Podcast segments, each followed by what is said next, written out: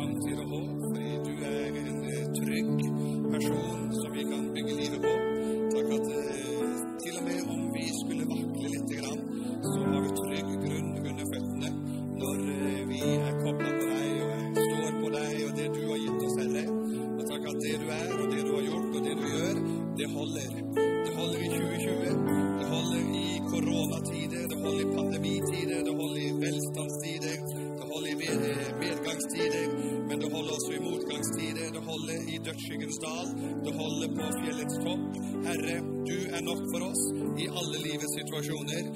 takker deg, Gud, for at du bryr deg om alle generasjoner. Du bryr deg om alle nasjoner, og så gjør du oss til ett folk og en familie. Vi takker deg for det i Jesu navn. Amen. Vær så god, sitt alle sammen. Takk skal dere ha. Takk skal dere ha. Det er en del ord og uttrykk i Bibelen som eh, kan eh, være litt sånn vanskelig å forholde seg til eh, uten at vi får en sånn forklaring hva det, hva det handler om. Men eh, dere hørte jo Thomas eh, sa her eh, det kommer et lam. Det er et lam. Han så et lam. Men eh, vi lurte vel på hva i all verden er det han mener med det, liksom. Og så sa han at jeg skulle snakke litt om det. Jeg skulle preke om det. Og eh, eh, jeg, skal, jeg skal lese noe som står i Johannes 1,29. Det er Johannes, døperen, som sier etter at han ser Jesus komme gående mot seg, så sier han Se, sier han. Se. Se der, da. Hei, folkens. Følg med nå. Nå skjer det noen ting. Se. Når du starter et utsagn med 'se', så handler det om egentlig 'attention, please'. Nå må du følge med. Nå er det noe spesielt som skjer. Det er en ny æra. Det er noe nytt, nytt på gang. Det er en innledning av noe som eh, krever vår oppmerksomhet. Se! Hei, hei! Wow!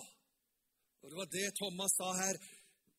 Jeg, jeg ser jeg ser et lam, sa han. Og alle snudde seg og så ingenting.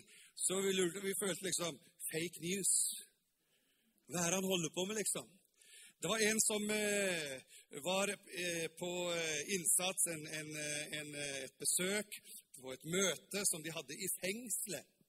Eh, og han ble så salig, den eh, gode broren, broderen. Han ble så salig. Så han liksom fikk liksom et eller annet sånn inspirasjon over seg. Og så ropte han ut over eh, de innsatte som var kommet på eh, møte og var utsatt for det han hadde å si og gjøre. Så sa han 'Se lam!' sa han. Og det eh, kommuniserte ikke så veldig godt i fengselet, kan du si. 'Se lam!' sa han med sånn vibrato på stemmen. Nå snakker vi om gamle dager, sånn skikkelig gamle dager, hvor man hadde vibrato på stemmen. Ja. Oh, Jeg ba Sånn, vet du. Men responsen i forsamlingen var bæ. Det kom ikke et halleluja, det kom ikke et amen, men bæ. Så han som var på høyden, han kom plutselig ned i dødsskyggens dal. Det var liksom ikke den responsen han hadde venta seg. Så, så, det er ikke alltid at vi liksom forstår hva Bibelen sier. når liksom, liksom Se der Guds lam liksom, som bærer verdens synd. Jeg mener, hallo! Se der Guds lam som bærer verdens synd. Det er litt spacey, liksom, i 2020. Å se for seg et lite lam som bærer synda til hele verden. Jeg mener, åssen er det mulig?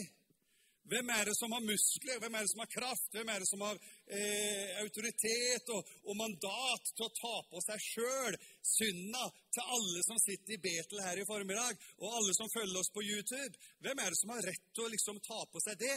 Skal ikke jeg ta hånd om det sjøl, da? Nei. Johannes døperen, han sier i Johannes 1, 29, Han ser sjøl Jesus komme gående mot seg, og så sier han, Se, Guds lam som bærer bort verdens synd. Dette her må ses i kontekst av jødedommen og den historien som jødene hadde eh, som et eh, folk som tjente Gud, men som tjente Gud under andre betingelser, eh, andre forutsetninger enn det vi holder på med nå. For de tjente Gud med en kontrakt som vi kaller den gamle kontrakten. Den gamle avtalen. Det gamle testamentet. Den gamle pakten. Men så sier Johannes døperen, se! Wow! Ja, dette har vi venta på så lenge. Det har vært en lengsel, det har vært et behov, det har vært et rop, det har vært et skrik i jødefolket gjennom årtusener. Når tid skal vi bli kvitt dette her med å bære på skyld, bære på skam, bære på byrden av synd og feilgrep og, og ting som vi kjenner på innsida av skam? Når tid er det her over? Se! Nå skjer det noe nytt. Jeg innleder noe nytt, sier Johannes døperen. Det er Guds lam. Det er ikke menneskenes lam. Det er ikke menneskene som skal bringe lam til Gud. Nei, det er Gud som gir sitt lam til menneskene. Men så er spørsmålet hva er det vi snakker om egentlig? Lam. Spesielt. Et ord som gir mening for alle som sitter her, det er ordet syndebukken. Er det noen som har hørt ordet syndebukk? Hvis du har hørt ordet syndebukk, kan ikke du bare løfte hånda mi, så jeg veit at når jeg sier syndebukk, så skjønner du hva jeg snakker om. Har du hørt ordet syndebukk? Syndebukk, er ikke det den personen som får skylda uansett, liksom? Er det, stemmer det? Hallo? Definisjon? Syndebukken er han eller hun som får skylda uansett. Stemmer det? Det, det, det er sånn det er. Syndebukken. Nesten hver eneste klasse på skolen og hver eneste skole har en eller annen syndebukk. Og liksom får alltid skylda, uansett. Det er ikke bra, det, vet du. I hvert fall ikke når vi blir syndebukk ufrivillig og blir utpekt for noe som vi egentlig ikke har skyld på. Men syndebukk det er et begrep som kommer fra jødedommen og fra Det gamle testamentet, fra den gamle pakten, den gamle kontrakten. Hvert år så tok prestene og så tok de symbolsk og så løfta de skyld på Jom Kippur. Det var eh, den store forsoningsdagen, en festhøytid, sånn som vi feirer jul og påske og pinse. Så noe som heter Jom Kippur. Og det var når de tok syndeskylda og forsoning. De tok